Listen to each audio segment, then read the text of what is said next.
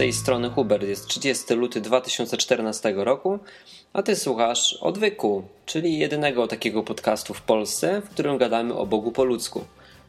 Gdybym miał wybrać jedną rzecz, za którą tak naprawdę bardzo lubię Kościół katolicki, to byłby właśnie tłusty czwartek, który był wczoraj. A jest to chyba najwspanialsza rzecz, jaką dał nam Kościół katolicki. I dostrzegam jego plusy, żeby nie było, że widzę tylko minusy. To jest przeogromny plus. Tłusty czwartek, Kościół katolicki rządzi. Widzieliście w ogóle, że tłusty czwartek zawdzięczamy Kościołowi katolickiemu? Ja nie wiedziałem, musiałem sobie sprawdzić. No tak to jest, jak się nie jest katolikiem, to potem się nie wie takich rzeczy, że jest e, Wielki Post. Tylko, że w Kościele katolickim, jak to w Kościele katolickim, zawsze jakoś e, znaczenie pewnych słów jest troszeczkę przekręcone. I post w e, kościele katolickim sprowadza się do tego, że tak naprawdę się nie pości. Bo post biblijny to jest taki, w którym się nic nie je, pije się tylko wodę. Mm. A post w kościele katolickim sprowadza się co do, do, tego, żeby na przykład nie jeść nie wiem czego. Czego się nie je w kościele katolickim w trakcie długiego postu? Nie wiem, wiem, że się nie chodzi na imprezy, nie? Więc tak, post od imprez. No, super. No dobra, dobra, ale ja się nie chcę czepiać znowu. Tak tylko po prostu mi się kojarzy, bo w ogóle nie wiem o czym ma być dzisiejszy ten odcinek, wam się przyznam uczciwie. To będzie taka tendencja od dołu do góry. Przyznaję się otwarcie, nie wiem o czym dzisiaj mam nagrać, dlatego że miałem kupę jakichś pojedynczych pomysłów, żadnego z nich nie rozbudowałem. Przyznaję się bez bicia, że improwizuję. Improwizuję, włączyłem nagrywajkę i teraz yy, nawijam kompletnie bez celu. Zobaczymy, co z tego wyjdzie. Czyli dzisiejszy odcinek jest bez celu i może nawet bez montażu, ponieważ uparłem się, że będzie odcinek e, co tydzień i musi być. Musi być odcinek co tydzień i nie ma, żeby nie było. Więc nawet jak e, będzie kiepskiej jakości, to będzie. Koniec. Bo musi być. Bo musi być regularnie. No, i to jest ważne dla mnie. Bo jak raz sobie odpuszczę, to potem sobie odpuszczę na dłużej. Okej. Okay. Słuchajcie, nie wiem, czy spotkaliście się, nie wiem, czy spotkaliście się z czymś takim, że ludzie bardzo często mówią o sobie my. My coś zrobiliśmy, nie? Mm. Mój kolega ma tatę, który jest górnikiem i na przykład on mi powiedział, że bardzo często to jest w holdingach węglowych. Kiedy górnicy na przykład wyrobią jakiś bardzo duży zysk dla spółki, to mówią, to my zrobiliśmy. Kiedy znowu za to coś jest nie tak, to wtedy to zawinił szef, nie? To też bardzo często widać na przykład, jak ludzie nie rozumieją, e, dlaczego szef zarabia więcej niż oni, nie? Na przykład wszyscy pracują wspólnie, wiadomo, wspólnie z szefem, mają jakiś wspólny cel, rozwój firmy. Dopóki wszystko idzie dobrze i pieniądze przychodzą do firmy, to wtedy wszyscy mówią, to my to zrobiliśmy, nie? My jesteśmy tą firmą, my jesteśmy, nie wiem, tam e, Oral B, nie? E, dopóki szczoteczki do zębów dobrze się sprzedają. A w momencie, w którym e, firma zaczyna przynosić straty, to wtedy to już nie jesteśmy my, tylko to jest szef, to jest wina szefa. Więc dopóki są zyski, to jesteśmy my, bo my chcemy kasę i szef powinien się z nami dzielić 50-50, ale kiedy pojawiają się straty, minusy, no to wtedy to on już to powinien brać na siebie, nie? To jest takie bardzo częste. Dlatego tak trudno być liderem w czymkolwiek, ponieważ to lider mm, musi ciągnąć zespół, nie? nadawać im kierunek, cel, e, ale i dopóki wszystko idzie dobrze, to jest wspaniałym liderem, ale kiedy zaczyna być źle, to a, tak naprawdę to jedynie on obrywa, bo to on jest na czele. Na przykład wojsko, jak macie wojsko i macie dowódców, to nie, odry, nie obrywa cały pluton, tylko jego dowódca, nie? Tam od jakiegoś wyższego rangą, a, nie wiem, nie wiem, to jest wyższy rangą od, od, od dowódcy plutonu, bo nigdy nie byłem w wojsku. Nie wiem, jakiegoś powiedzmy generała obrywa w głowę za to, że tamci coś zmaścili. No, to, to taka pierwsza rzecz, która mi przyszła do głowy dzisiaj, bo strasznie często się z tym spotykam. Z tym, że ludzie nie mogą się pogodzić z tym, że komuś innemu jest lepiej, bo on bierze na siebie ryzyko. Nie? I czemu o tym mówię w kontekście chrześcijaństwa? Bo Bóg tutaj, jak był na ziemi, chodzi mi o Jezusa, to na początku tłumaczył wszystko apostołom jak pracownikom, nie? Idź zrób to, idź zrób tamto.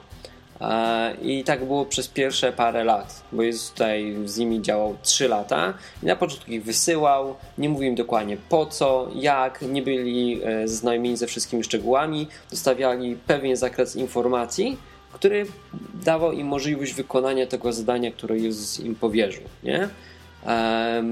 I potem wracali Jezus im mówił, że sobie to dobrze, albo gdzieś tam korygował, ale zawsze mieli zakres informacji, tak jak firma dzisiaj jest, nie? że pracownik dostaje jakiś zakres informacji, nie wie wszystkiego, nie zna całej strategii firmy, bo nie musi tego wiedzieć, są pewne tajemnice handlowe, o których on nie wie. On zna pewien zakres informacji, który jest mu potrzebny do wykonywania jego działania.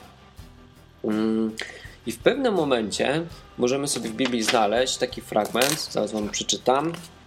Um, albo nawet, żeby, żeby nie szukać, to wam sparafrazuję, a wy sobie znajdziecie sami w Ewangelii Jana, gdzieś, gdzieś w okolicach 14 e, rozdziału możecie znaleźć takie, takie stwierdzenie Jezusa, że słuchajcie, od teraz już, on to mówi do apostołów, od teraz już nie jesteście um, moimi sługami, um, ponieważ sługa nie wie, co czyni jego szef, nie?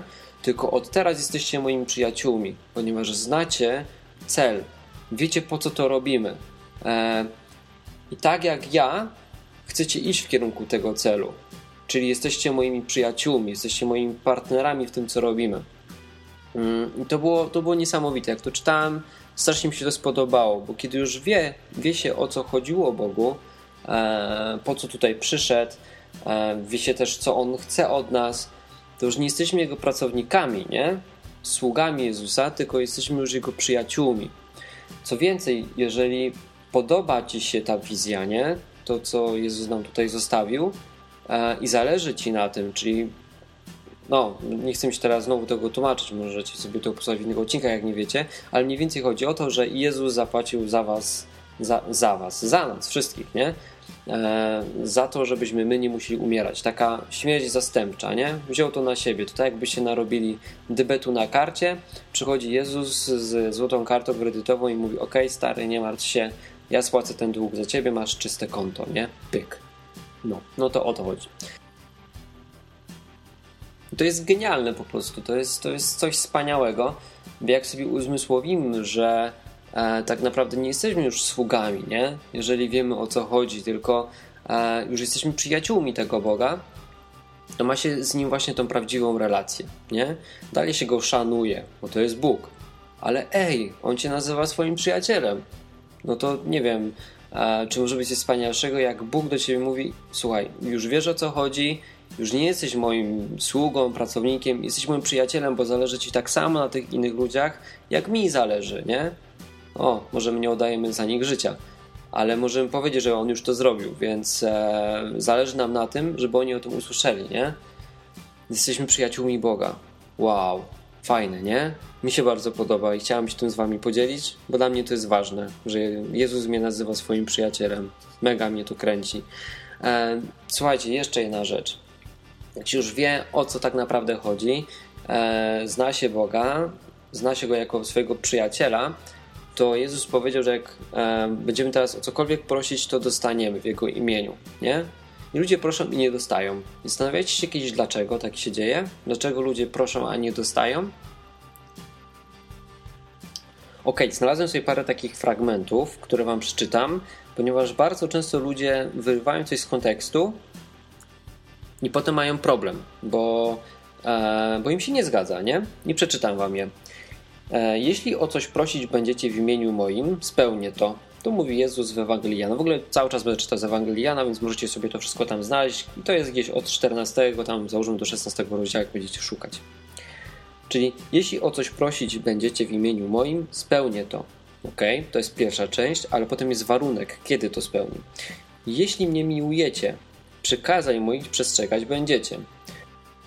Ok, no czyli już wiemy, jaki jest warunek. Jeżeli chcemy coś od Jezusa, to on na początku sprawdza, czy go miłujemy.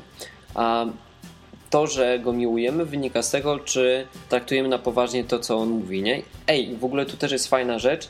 Jeśli mnie miłujecie, przykazań moich przestrzegać będziecie, nie? Kto dał przykazania? Tik-tak, tik-tak. No, Bóg, nie? Jezus nie ustanowił praktycznie żadnego nowego przykazania. Jedynie mówi tam o miłości, ale to nie były przykazania, nie? tylko to było takie jak bardziej streszczenie e, Starego Testamentu. Jezus mówi, że teraz nowe przekazanie daje wam, daje wam, miłujcie się, nie? Nawet czy to tak przekazanie jest? No dobra, może jest, ale przekazania e, dał Bóg. Czyli Bóg tutaj mówi, jeśli nie miłujecie przekazań, przestrzegać będziecie. Na jakiej podstawie się sądzi ludzi? Na podstawie prawa, nie? Tego, który jest w Starym Testamencie. To jest podstawa do sądzenia. Jeżeli tutaj Jezus mówi, że e, przykazania są Jego własnością, że to są Jego przykazania, to co mówi jednocześnie? Że jest Bogiem, nie? No, kolejny dowód. Dobra, dobra, bo tak będę popadał w dygresję, ale może Wam się spodoba. Kto ma przekazania moje i przestrzega ich, ten mnie miłuje, a kto mnie miłuje, tego też będzie miło Ojciec i ja miłować go będę i objawię mu samego siebie. Kto mnie nie miłuje, ten słów moich nie przestrzega. A przecież słowo, które słyszycie, nie jest moim słowem, lecz Ojca, który mnie posłał. I teraz kolejna ważna rzecz, kolejny warunek do otrzymania właśnie tego błogosławieństwa, do tego, żeby Bóg e, robił to, o co go prosicie, nie? Jeżeli macie jakąś potrzebę, e, czy Bóg robi to, co go prosicie? No po prostu Bóg wie, że macie jakąś potrzebę. Jeżeli chcecie, żeby ją spełnił, no to musicie spełnić te warunki, nie? Bo chyba inaczej nie zadziała. No tak tutaj wynika z tego. No i słuchajcie, następny warunek. To nie trwa we mnie, ten zostaje wyrzucony precz, jak zeschnięta la, ra, la, la, latorość. Tak zbierają i wrzucają w ogień, gdzie spłoną. Jeśli we mnie trwać będziecie i słowa moje was trwać będą, proście o cokolwiek byście chcieli, a stanie się wam. I co autor tutaj miał na myśli? No zobaczcie, jest tutaj mowa o roślince, nie? E, o latorośli. Jeżeli latorośl nie ma dostarczonej wody, to uschnie. Tutaj jest napisane, kiedy uschnie. Jeśli we mnie trwać będzie i słowa moje w was trwać będą. W jaki sposób w człowieku może trwać słowo Jezusa? Nie? No tylko i wyłącznie wtedy, kiedy będzie dostarczał, czyli e, kiedy będzie czytał Biblię. Kiedy czytacie Biblię, to słowa Jezusa w was trwają. To jest naturalne, to jest taka trochę e, nie wiem, dobre słowo incepcja. Jeśli coś czytacie regularnie, nie? No to nie zapominacie tego. Zdecydowanie lepsze jest czytanie regularnie, jakieś króciutkie fragmenty, nie wiem, jeden tam na, załóżmy rozdział, niż takie zrywy, że przeczytanie jednej Ewangelii raz na pół roku. E, dlaczego? Dlatego, że to w was trwa regularnie, codziennie o tym myślicie. To jest jak z nauką czegokolwiek, czy z, języka, z językiem obcym, jeśli się go uczysz regularnie, codziennie na przykład uczysz się 10 nowych słówek, to najprawdopodobniej po roku e, będziesz zdecydowanie prędzej mówił po angielsku, czy tam w jakimś innym języku obcym, niż gdybyś raz w tygodniu zrywał się i siedział 3 godziny nad książkami. To jest zdecydowanie lepsze, nie? I wtedy to słowo trwa w tobie, wtedy masz jakby to nawodnienie, i wtedy nie usychasz, bo jeśli usychasz, to słowo Jezusa przestaje trwać w tobie i wtedy chyba znika ten warunek tego bycia przyjacielem Jezusa, nie? Dlaczego? Dlatego, że e, przestajesz pamiętać o co tak naprawdę chodzi. Przestaje to w tobie trwać. Jeśli to w tobie nie trwa i prosisz Boga o coś, no to on patrzy na ciebie i mówi: No okej, okay, ale czy to jest dalej mój przyjaciel? Czy on dalej pamięta o tej sprawie, do której go powołałem? czy już tak naprawdę zajmuje się tylko swoim życiem, a jestem automatem do spełnienia jego zachcianek, nie? Bo w momencie, w którym ty na pierwszym planie masz Boga, na drugim planie jesteś ty i prosisz go o coś, no to dlaczego miałbyś nie dostać, nie? Bo przeważnie to jest albo coś, co potrzebujesz do, do, mm, do tego działania, e, Bóg cię w tym wspiera, nie? To tak jak załóżmy, że e, jesteś pracownikiem Boga, tak trochę, nie? Jesteś pracownikiem Boga, gdzieś idziesz i na przykład widzisz, że e, ludzie tam, nie wiem, cierpią, nie? I, I smutno ci z tego powodu i prosisz Boga, modlisz się o nich i Bóg im na przykład pomaga, przeda ci, nie wiem, może już uzdrowienia kogoś jest chory e, albo da ci jakąś mądrość, jak tą sprawę załatwić. Więc wydaje mi się, że to wtedy ma ręce i nogi i wtedy ta cała Biblia się zgadza, nie? Że Biblia e, to jest tak naprawdę książka, która się sprawdza w działaniu. I to jak się prosi Boga, to to też się sprawdza w działaniu, a nie wtedy, kiedy chce się spełniać własne zachcianki.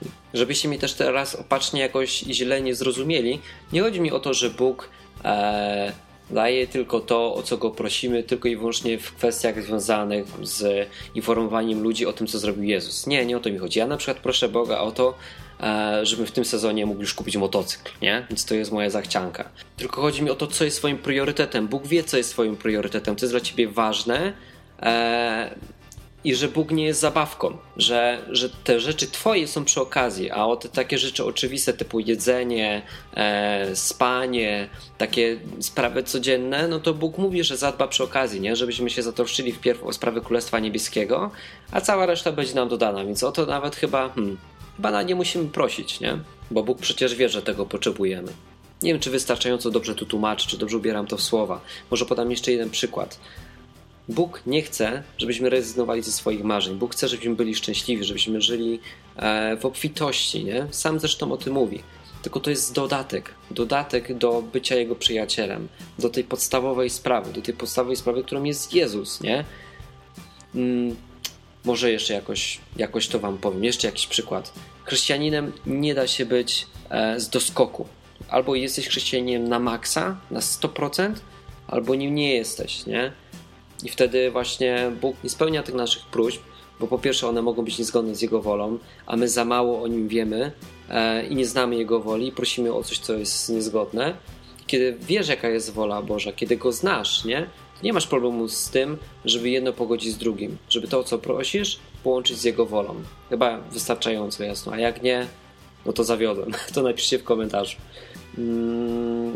Jeszcze jeden fajny fragment znalazłem, tak na koniec, bo skoro mówiłem o przekazaniach, to jeszcze chciałbym coś Wam przytoczyć tutaj. E, był taka, była taka sytuacja w Biblii, że Jezus mył uczniom nogi. Nie wiem, czy kojarzycie. Odpowiedział Jezus i rzekł mu: Co ja czynię teraz, nie rozumiesz, ale się potem dowiesz. Odpowiedział mu Piotr: Przenigdy nie będziesz mył nóg moich. Odpowiedział mu Jezus: Jeśli ci nie umyję, nie będziesz miał udziału ze mną. Na to odpowiedział mu Piotr: Panie, nie tylko moje nogi umyj, lecz i ręce i głowę. Na to odpowiedział mu Jezus: Kto jest umyty, nie ma potrzeby mycia się, chyba tylko nogi, bo czysty jest cały. I wy jesteście czyści. To jest genialny fragment, który mówi, na czym polega zbawienie. Jezus, dzięki Jezusowi jesteśmy już czyści. Nie mamy już grzechów, nie? On je wziął na siebie e, jesteśmy czyści i nie musimy się cali myć, bo to już załatwił Jezus za nas. E, jedynie mamy brudne nogi czasami. Dlaczego? Dlatego, że nogi mają kontakt ze światem. Chodzimy po tym świecie, na którym jest jeszcze kupę grzechu, no i co tu dużo ukrywać, czasami nam się uda zgrzeszyć, nie? Albo z powodu jakiejś emocjonalności, to jest na przykład mój problem, ja bardzo często podejmuję jakieś emocjonalne decyzje, których potem bardzo żałuję. Czasami powiem coś, e, zanim pomyślę, to też jest taka moja e, paskudna cecha, że, że często coś mówię, a dopiero potem myślę w wpływem emocji, potem tego bardzo żałuję, ale już jest za późno nie? i grzeszę w ten sposób. E, dlatego brudzę nogi. Brudzę nogi chodząc po tym świecie. Ja już jestem czysty, nie? ale nogi brudzę. I co robi Jezus? Jezus myje apostołom nogi. Dlatego nawet jeżeli zgrzeszysz, e, jeżeli jesteś chrześcijaninem, to dalej jesteś zbawiony. Po prostu masz brudne nogi. Tylko musisz pamiętać o tym, żeby je umyć, nie? Czyli żeby nie trwać w tym, żebyś nie stał cały czas w błocie, w tym grzechu, tylko musisz stamtąd wyjść i je umyć. Strasznie fajny fragment, spodobał mi się, bo dużo tłumaczy. I tak e, improwizując nagrałem 20 minut i wydaje mi się, że starczy. E, udało mi się nagrać. Je! Cieszę się niezmiernie, bo zachowałem systematykę. No. Może jakość trochę niższa, e, więcej spontaniczności, więcej powtórzeń, ale jest. Mam nadzieję, że komuś się przyda. Trzymajcie się. Do usłyszenia za tydzień. Cześć.